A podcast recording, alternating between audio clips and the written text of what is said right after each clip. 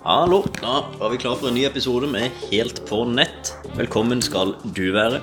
Eh, Det blir en eh, forholdsvis rask oppdatering i dag, og egentlig så ble jeg bare motivert til å spille inn en episode nå av en artikkel som jeg leste nå nettopp i dag. Jeg kom over en eh, artikkel for, fra TechCrunch. Som, eh, da skriver, og eh, beit merke i den overskriften med en gang LinkedIn launches its own Snapchat stories. Here's why it shouldn't have, skriver de her, altså. Så altså, her er jo TechCrunch ganske påståelig med en gang. At LinkedIn eh, burde jo absolutt ikke lage stories. Og umiddelbart så tenkte jo jeg faktisk det samme. Nå er det nok stories, tenkte jeg. Vi har jo, Det starta jo selvfølgelig med Snapchat, og så vi jo eh, flere seg på denne bølgen fordi det ble populært. Instagram, Facebook, det var vel til og med egne på Facebook Messenger og egne på WhatsApp, som fortsatt eksisterer. Faktisk ganske mange brukere også, så vidt jeg vet. Og alle skulle da ha stories. Så kommer jo LinkedIn også, da, med dette. Eh, man tenker jo egentlig ja, det var på tide. Og noen tenker sikkert ja, men i alle dager, nå har vi jo nok plasser med stories. Uansett, med den overskriften her LinkedIn launches its own Snapchat stories. Here's why it shouldn't have. Så er jo TechCrunch ganske Ja, de rakker jo ned på det med en gang. Det som da skjer, da, altså disse stories som kommer ifra Snapchat, det er ikke ordinære stories sånn som vi kjenner de i dag.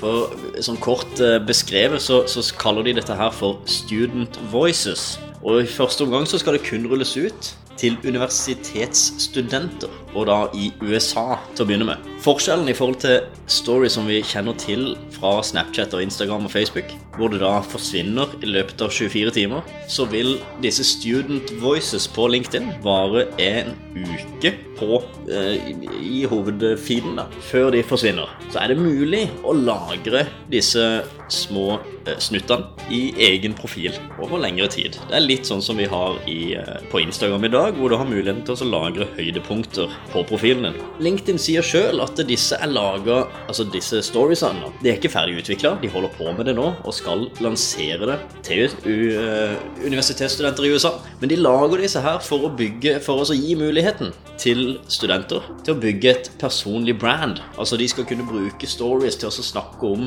det de driver med, og snakke om eh, ja, hvilke kvaliteter de har, for å bygge et slags personlig brand. Og der er jo TechCrunch ganske påståelig og mener at stories er lagd for å forsvinne. For å slippe Altså, man skal slippe å bry seg om ryktet. Terskelen for å legge ut på storyen skal jo da være veldig lav, sånn at man slipper å tenke på et rykte. Her syns jeg de er litt øh, litt direkte. Jeg kan lese hva de, hva de skriver.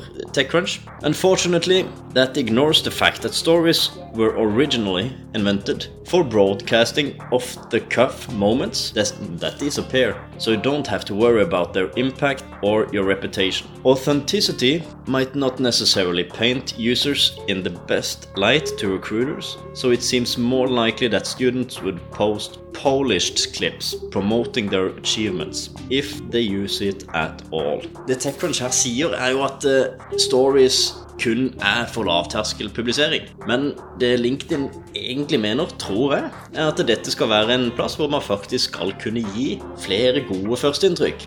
Litt sånn som man går på en samling eller møtes i noen sosiale sammenhenger. Hvor man da mingler blant andre bedriftsledere og potensielle samarbeidspartnere. Så har man jo bare veldig kort tid til å presentere seg, snakke om hva man driver med. Så der må man også da prøve å skille seg litt ut. Jeg ser for meg egentlig at eh, Student Voices på LinkedIn skal eh, fungere litt på samme måte. Det er ikke et sted hvor man legger ut noen lavterskel eh, tulleklipp. Det gjør man ikke på LinkedIn uansett. Men det er et sted hvor man faktisk kan legge ut seriøse stories. Altså seriøse småklipp fra din profesjonelle hverdag. Og jeg syns det er litt kult, det, altså. Jeg heier litt på dette. Og LinkedIn er jo også i den situasjonen at de har veldig mange eldre brukere. Og da snakker jeg hovedsakelig om norske brukere, for det er det jeg har tall på. Eh, Siste rapporten fra Ipsos, som kom da altså for ikke så lenge siden, har tall fra Q3 2018, som viser at 1,1 millioner har profil på LinkedIn. Altså nordmenn. Det er jo bare 28% av nordmenn. Men det er veldig mange eldre brukere som, på, som, eh, som bruker LinkedIn. Altså eldre og eldre. Det er jo 30 menn menn i alle 38 da, av menn fra 30, 30 år til 39 år er på LinkedIn. Og 42% av de som er mellom 40 og 59 år, er på LinkedIn. Og forholdsvis aktive. De yngre derimot er er litt færre brukere av eh, LinkedIn blant den yngre garde. Men det er et potensial. Det er noen der. Så LinkedIn blir jo for så vidt egentlig nødt til å gjøre noe uansett. Og dette er, tror jeg, et steg i riktig retning. I tillegg så lager de jo andre ting, da. Så, sånn som reaksjoner, f.eks. À la Facebook. Dette med like. Vi har vel en som heter Clap, og ja, mye artige reaksjoner som man kan bruke på diverse poster. Så de gjør noen grep, LinkedIn nå, for å appellere til yngre brukere. Og det er smart, tror jeg. Så får vi se da om, om det faktisk fungerer også. Jeg legger uh, ut link til Haha, link, link, det, ja, ja. Ah, tull. Jeg legger ut link til artikkelen uh, som TechCrunch da har uh, skrevet i shownotes på denne episoden. Og så blir det jo veldig spennende å se. Jeg gleder meg veldig over alt av utvikling innenfor sosiale medier, og jeg syns det er kjempekult. Jeg er en aktiv bruker av LinkedIn sjøl, så jeg digger at de tenker nytt. Og forhåpentligvis gir oss en uh, mye bedre og innovativ og kul uh, brukeropplevelse. Det var det for i dag, så tusen takk for at du hører på. Det ble en uh, kjapp update på LinkedIn i dag, altså. Så håper jeg vi høres igjen. Ha en videre god kveld, morgen, dag, hva enn det er for noe du har. Vi høres.